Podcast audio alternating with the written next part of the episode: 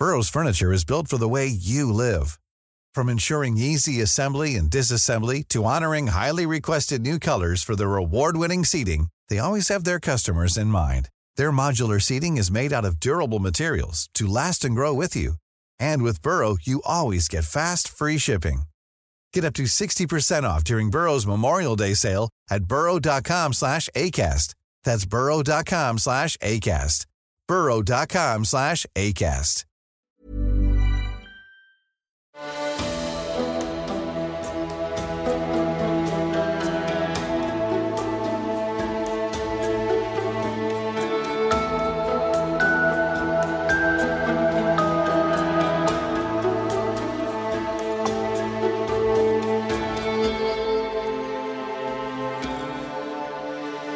Velkommen til Seriemorderpodden. Podkasten dedikert til seriemordere. Hvem de var, hva de gjorde og hvordan. Mitt navn er Thomas Rosseland Wiborg Tune, og i kveld fortsetter vi på den mørke veien inn i Dennis Raiders fordervede verden. Forrige episode presenterte jeg i detaljer den grusomme skjebnen til Otero-familien. Raider, også kjent som BTK, sine første drapsofre. Etter drapene følte ikke Raider verken skam, frykt, paranoia eller anger. Han følte seg som en gud, en hevet over alle andre, og som så på medmennesker som intet annet enn objekter han kunne utnytte til egen tilfredsstillelse. Så bli med meg mens vi fordyper oss videre i saken om en av USAs mest ikoniske seriemordere, hvem han var, hva han gjorde og hvordan.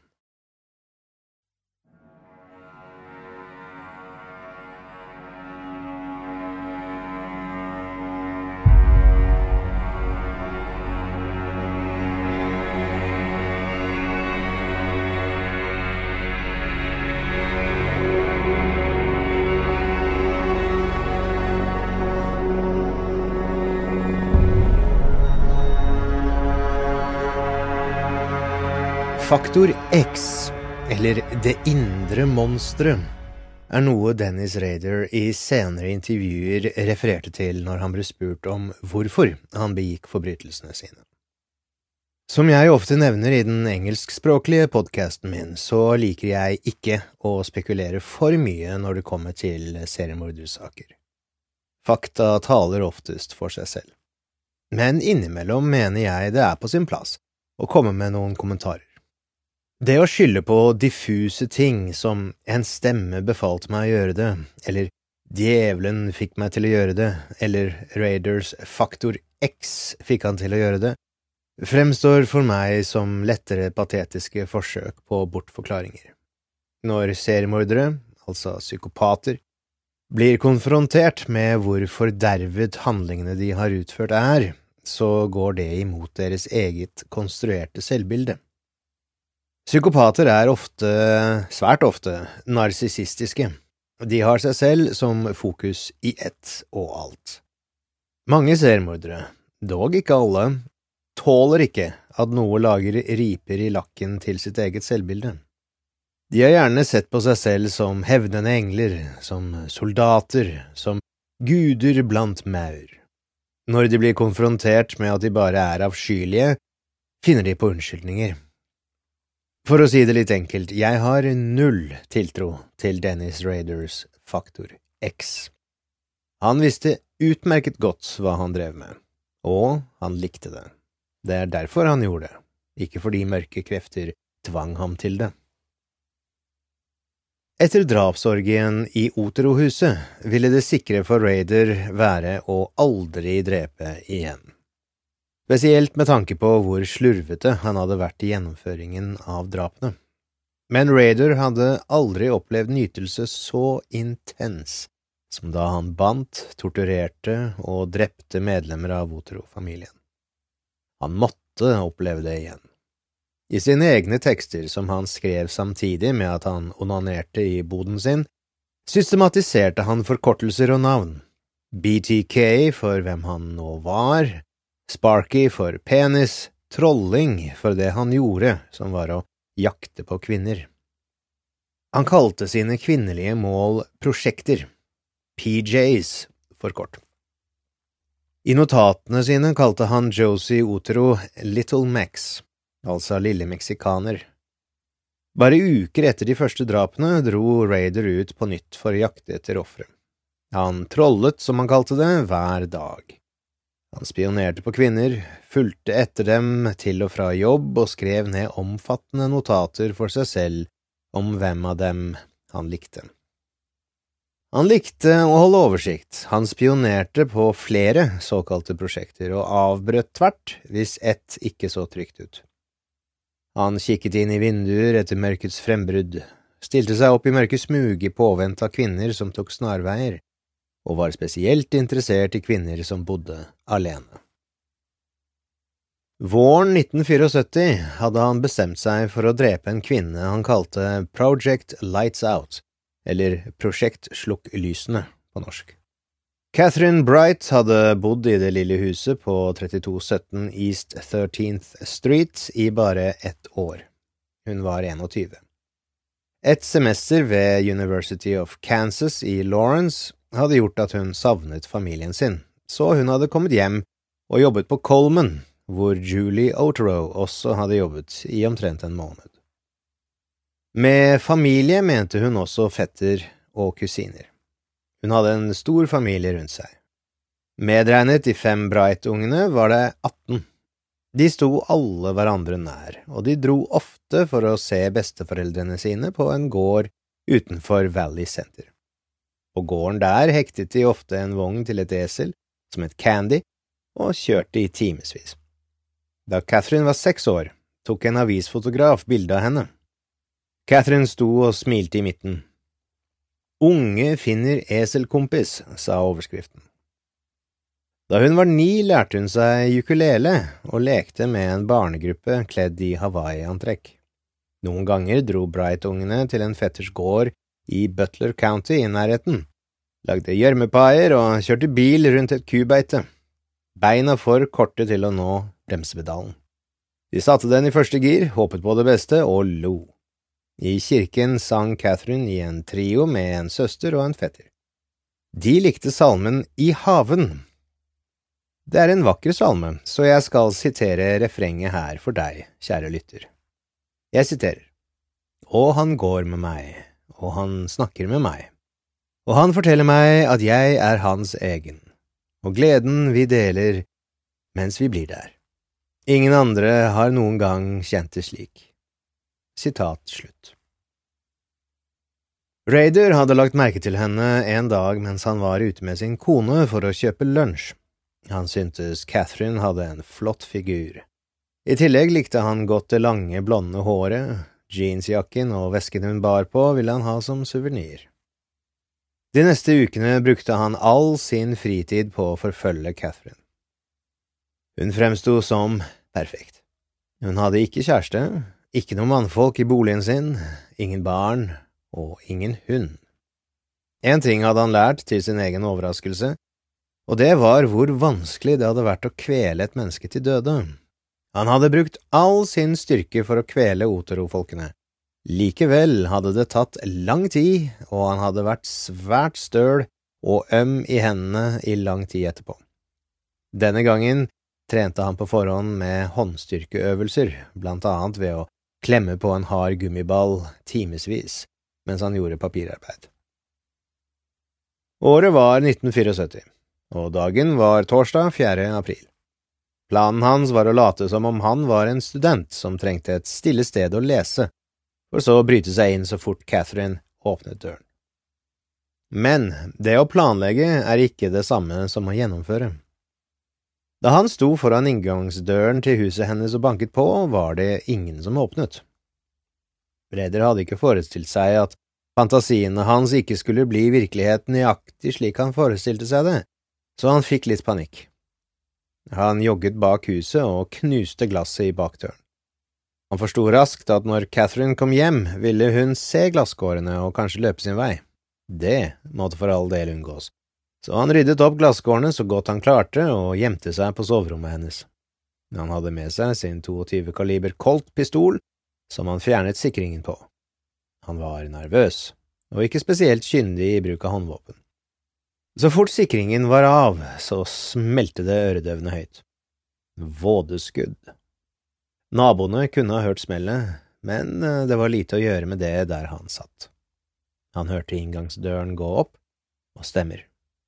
En av stemmene tilhørte en mann. Paret sperret veien ut, og han hadde ingen interesse av å la det være igjen vitner.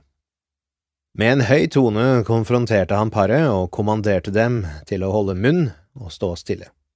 Han forklarte at han var fra California, og at han trengte en bil og penger for å rømme til New York. Nok en gang gjentok han løgnen han hadde fortalt Otero-familien, at han måtte binde de fast slik at de ikke ringte politiet så fort han kjørte av sted. Men nok en gang hadde Raider vært slurvete. Han hadde ikke med seg noe rep til å binde paret med. Han marsjerte dem til et soverom, gikk gjennom kommodene deres, fant skjerf, belter, strømpebukser og T-skjorter. Mannen, som Raider senere fant ut het Kevin, fikk beskjed om å binde fast Catherines hender, noe han gjorde. Han førte dem begge så til soverommet ved inngangsdøren og ba Kevin legge seg ned. Han bandt hendene hans sammen og bandt føttene til en sengepost. Raider marsjerte så Catherine tilbake til det andre soverommet. Han satte henne i en stol, bandt henne til den med nylonstrømper og bandt anklene hennes. Han rotet gjennom huset og fant ytterligere ti dollar. Han ropte at han hadde funnet pengene. Han ville at de skulle tro at dette bare var et ran, at de ville overleve hvis de oppførte seg. Han gjentok for seg selv at det var viktig at han fikk roet dem ned. Etter å ha funnet litt penger ba Raider dem om å fortelle ham hvor han kunne finne bilnøklene deres. Så var det på tide med litt musikk. Han skrudde på stereoen hennes, skrudde opp volumet. Han visste nå, fra Otero-drapene, at ofrene kom til å lage ganske høye lyder når han drepte de, så han ønsket å drepe disse to i separate soverom. Han ville ikke at en av dem skulle høre kvelingslyder og dermed lage et spetakkel. Han bestemte seg for å drepe mannen først, for å eliminere den største trusselen. Det samme hadde han gjort i januar. Han la en nylonstrømpebukse rundt halsen til Kevin og begynte å stramme. Og det var da Project Lights Out falt fra hverandre. Kevin brøt benbindingene, hoppet opp og sprang bakbundet for livet. Frykten Kevin må ha følt på, er vanskelig å forestille seg. Kevin rakk ikke mange skrittene før Raider dro frem 22-kaliberpistolen sin og skjøt Kevin i bakhodet. Den unge mannen falt bevisstløs til gulvet mens blodet rant ut av hodet hans. Raider skjønte at materiellet han hadde brukt for å binde paret, overhodet ikke var sterkt nok, og fryktet at Catherine kom til å komme løpende hvert øyeblikk. Raskt løp han derfor tilbake til rommet der hun satt, og vred seg mens hun skrek. Hun skrek, og det hun skrek, var om hva Raider hadde gjort med broren hennes. Raider klarte å holde roen og sa til henne at alt var i orden, broren hennes hadde vært dum og prøvd å komme seg unna, så han hadde vært nødt til å skyte ham. Men hun kunne ta det med ro, broren kom til å klare seg, og så fort han var kjørt av sted, kunne han ringe politiet og få dem til å hjelpe med både ham og henne. Catherine skjønte nok utmerket godt at denne mystiske mannen overhodet ikke var noen vanlig innbruddstyv. Hun vred seg og prøvde alt hun kunne å komme seg løs. Raider plukket rolig opp et tøystykke, la det rundt halsen hennes og begynte å stramme. Men Catherine var en sterk, ung kvinne og klarte å bryte seg fri fra stolen. Raider forbannet seg selv over å ikke ha tatt med eget tau. Ingenting hadde gått slik han hadde fantasert om. Han slo henne med knyttet neve i ansiktet, på hodet, på skulderen. Hun prøvde å kjempe, prøvde å komme seg unna, og Raider var ingen atlet. Han trakk en kniv og stakk henne i ryggen en gang, to ganger, så snurret han henne rundt og stakk henne i maven, og fortsatt kjempet hun for livet sitt. Nok en gang var Raider overrasket over hvor vanskelig det var å drepe et menneske. I detektivbladene han leste, sto det at det mest effektive var å stikke lunger og nyrer. Han stakk henne igjen og igjen mens de ramlet rundt i rommet og blodet hennes sprutet på veggene. Til slutt sørget blodtap, ekstreme smerter og sjokk for at Catherine sank ned til gulvet. Raider reiste seg opp over henne og skulle til å ta frem penisen sin, da han hørte en lyd fra det andre rommet, der hvor han trodde han hadde drept broren hennes. I vill panikk løp Raider ut i stuen og så etter liket til Kevin. Det var borte, og inngangsdøren var vid åpen. Han var sikker på at han med det var fortapt. Han kom garantert til å bli fanget. Han løp ut i haven og så Kevin løpe oppover gaten. Han bannet og løp tilbake i huset. Catherine viste seg å heller ikke være død. Hun lå på gulvet i uutholdelige smerter. Blod rant fra munnen hennes og de elleve knivstikkene han hadde påført henne. Han vurderte å skyte henne, men bestemte seg raskt for at han bare måtte komme seg vekk så raskt som mulig. Han løp ut i garasjen og prøvde å starte bilen til Catherine. Den ville ikke starte. Det var virkelig ingenting som hadde gått slik han hadde drømt om. Han kom seg ut av bilen og løp over bakgården og stoppet ikke å løpe før han var tilbake ved sin egen bil, som var parkert et godt stykke unna. Han satte seg inn og sank sammen. Kevin Bright hadde løpt til to naboer, William Williams og Edward Bell. Han fortalte dem at mannen som hadde skutt ham, fortsatt var hjemme hos søsteren, og at mannen var i ferd med å myrde henne. William og Edward ringte umiddelbart politiet og kjørte Kevin så raskt de kunne til sykehuset. Klokken var fem over to på ettermiddagen. Politiet sendte ut radiobeskjed til alle patruljer med kode om pågående ran av bolig. Konstabel Dennis Landon gikk til bakdøren. Ingen svarte på bankingen hans. Konstabel Raymond Fletcher gikk foran, hans 357 kaliber revolver klar i hånden. De fant raskt en kvinne blødende på stuegulvet, med en telefon i hånden. Hun hadde krøpet ut av soverommet. Huden hennes føltes klam, pusten hennes var svak, ansiktet grått. De ba henne holde ut og sa at hjelp var på vei. Så spurte de hva som hadde skjedd. Hun klarte ikke å snakke, men dro opp blusen og viste konstablene knivstikkene. Hun ristet på hodet da konstablene spurte henne om hun visste hvem som hadde gjort dette mot henne. When you're ready to pop the question, the last thing you want to do is second-guess the ring. At BlueNile.com you can design a one-of-a-kind ring with the ease and convenience of shopping online. Choose your diamond and setting. When you find the one, you'll get it delivered right to your door. Go to Bluenile.com and use promo code LISTEN to get $50 off your purchase of $500 or more. That's code LISTEN at Bluenile.com for $50 off your purchase. Bluenile.com code LISTEN. Millions of people have lost weight with personalized plans from Noom, like Evan, who can't stand salads and still lost 50 pounds. Salads, generally, for most people, are the easy button, right? For me, that wasn't an option. I never really was a salad guy. That's just not who I am. But Noom worked for me. Get your personalized plan today at Noom.com. Real Noom user compensated to provide their story. In four weeks, the typical Noom user can expect to lose one to two pounds per week. Individual results may vary. De presset en klut fra kjøkkenet mot sårene hennes og hevet benene hennes for å få det blodet hun hadde igjen til hodet. Landon så nylonstrømper bundet i håndleddene hennes. Det var et blått skjerf og en snor knyttet rundt halsen hennes. Høyre hånd holdt en hvit fille, og anklene hennes var bundet med en nylonstrømpe. Hun var fullstendig dekket av blod. Ansikt, hår, hender, mave. Hun blødde fra venstre nesebor, og ansiktet hennes var sterkt forslått. Hun var i ferd med å miste bevisstheten. De fortalte henne at en ambulanse var på vei, og at hun kom til å klare seg men så begynte ansiktet hennes å bli blått. Hun tok tak i Fletchers arm. Hun sa hun ikke fikk puste, og det siste hun sa før hun ikke klarte å si mer, var, og jeg siterer, Hjelp meg. Sitat slutt. Raiders kvelerledning var fortsatt bundet rundt Kevins hals da han ankom til sykehuset. Catherine ankom i ambulanse minutter senere. Konstabel Ronald Davenport så på mens medisinsk personell snudde henne for å se på ryggen hennes. Der så de raskt ytterligere stikkskader. Davenport og andre offiserer spurte Kevin hva som hadde skjedd. Han prøvde å snakke, men holdt på å kveles av sitt eget blod. Kulen som traff overskjeven hans, hadde slått ut to tenner. Offiserer fant den senere i søsterens hus. Legene sendte ham til intensivbehandling. Søsteren hans Catherine, døde fire timer senere. Senere, da Kevin var på bedringens vei, fortalte han politiet at morderen var mye større enn ham selv, ca 179 cm høy, kanskje 85 kilo, rundt 28 år gammel, lys hudfarve, hadde bart og mørkt hår.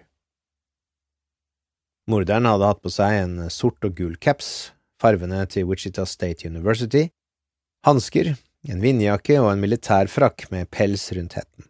Han hadde båret et sølvarmbåndsur på venstre arm, og morderen hadde svettet svært mye. Raider hadde løpt flere kvartaler til bilen sin, og skoene hans var våte av alt blodet som hadde sprutet ned på dem. Han kjørte til foreldrenes hus. De bodde i nærheten av ham. I skuret deres, i en gammel trekasse fylt med sagflis, gjemte han våpnene sine.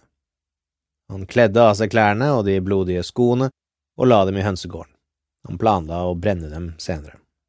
Så vasket han seg, fikk skylt av seg alt blodet før han kjørte hjem til kona si igjen og latet som om ingenting spesielt hadde hendt.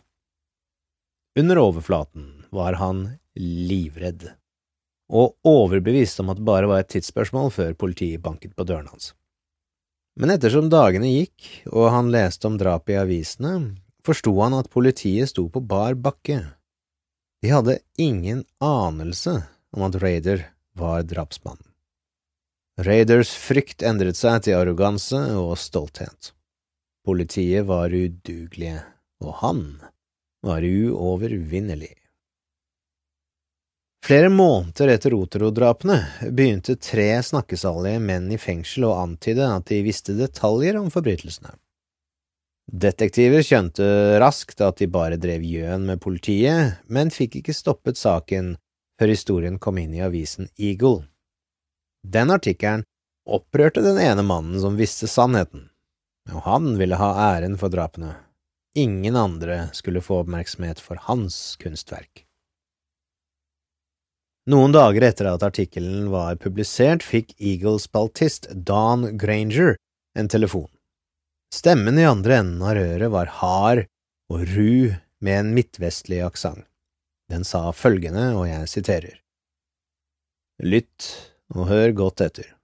Jeg sier dette kun én gang. Det er et brev om Otero-saken i en bok i det offentlige biblioteket. Sitat slutt. Stemmen fortalte Granger hvilken bok, og la deretter på. Granger mistenkte at mannen som hadde ringt akkurat ham, hadde valgt å gjøre det fordi Granger var mannen som flere uker tidligere hadde sittet og tatt imot tips angående Otro-saken. Avisen hadde utlyst en belønning på 5000 dollar for tips som ledet til å løse saken. Mannen med den ru stemmen hadde dog ikke bedt om belønning, noe Granger syntes var underlig. På 70-tallet tok, i motsetning til i dag, de fleste aviser samfunnssikkerhet alvorlig, og Granger valgte å ikke selv hente boken. I stedet gikk han direkte til politiet, som takket ham for ledetråden. Konstabel Bernie Drovatski oppsøkte biblioteket og fant boken den mystiske innringeren hadde nevnt, med en gang.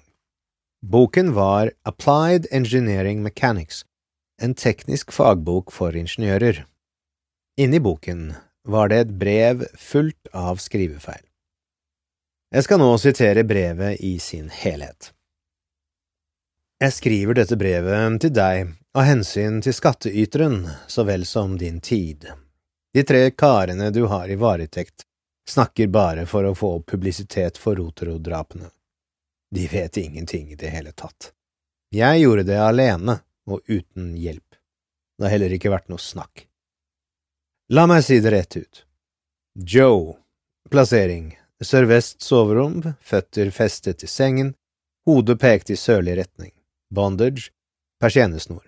Garott. Persiennesnor, brunt belte. Død. Det gamle posetrikset og kvelningen med klessnor. Påkledning. Hvit treningsskjorte, grønne bukser. Kommentarer. Han kastet opp en gang. Han hadde ribbandskade fra bilulykken noen uker før liggende på frakk. Julie, stilling, liggende på ryggen på kryss og tvers på sengen pekt i sørvestlig retning, ansikt dekket med pute. Bondage, persiennesnor. Garott, tørkesnor for klær i en nellikfeste. Død, kvelning, to ganger. Klær, blå husfrakk, svarte bukser, hvit sokk. Kommentar, blod i ansiktet fra for mye press på nakken. Seng uoppredd. Josephine. Posisjon, hengende i nakken i den nordvestre delen av kjelleren. Tørketrommel eller fryser nord for kroppen hennes. Bondage, hender med persiennesnor, føtter og nedre knær, øvre knær og midje med snor, alle én lengde. Garott, grovt hemptau, en fjerdedel diameter, løkke med fire eller fem omdreininger. Klær, mørk bh skåret i midten, sokk. Død, kvelning en gang, så hengt. Kommentarer De fleste klærne hennes nederst i trappen, grønne bukser og truser, brillene hennes på det sørvestlige soverommet. Joseph Posisjon I det østlige soverommet liggende på ryggen i østlig retning. Bondage, persiennesnor, garott, tre hetter, hvit T-skjorte, hvit plastpose, en annen T-skjorte, klessnor med nellikfeste. Død, kvelning en gang, kvelning med det gamle posetrikset. Klær Brune bukser, gulbrun stripete T-skjorte. Kommentarer Radioen hans sto på full guffe.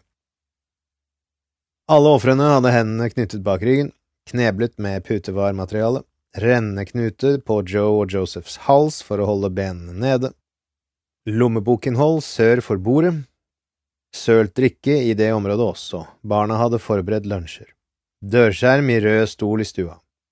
Otoros klokke mangler, jeg trengte en så jeg tok den, går bra. Termostat skrudd ned. Bilen var skitten innvendig, tom for bensin. Jeg beklager at dette skjer med samfunnet, lykke til med jakten. Bødix deres virkelig skyldige? PS. Siden sexkriminelle ikke endrer MO, eller av natur ikke kan gjøre det, vil jeg ikke endre min. Kodeordene for meg vil være bind dem, torturer dem, drep dem. BTK. Du vil se initialene mine igjen, de vil være på det neste offeret. Sitat. Slutt. Og med det kommer vi til slutten av den syvende episoden av Seriemorderpodden, og slutten på del to i sagaen om BTK. Jeg håper du har hatt glede av å tilbringe litt tid med meg i kveld. Neste episode, som kommer om to uker, fortsetter vi fortellingen om seriemorder-superstjernen Dennis Raider, så som de sier i Radioland. Følg med.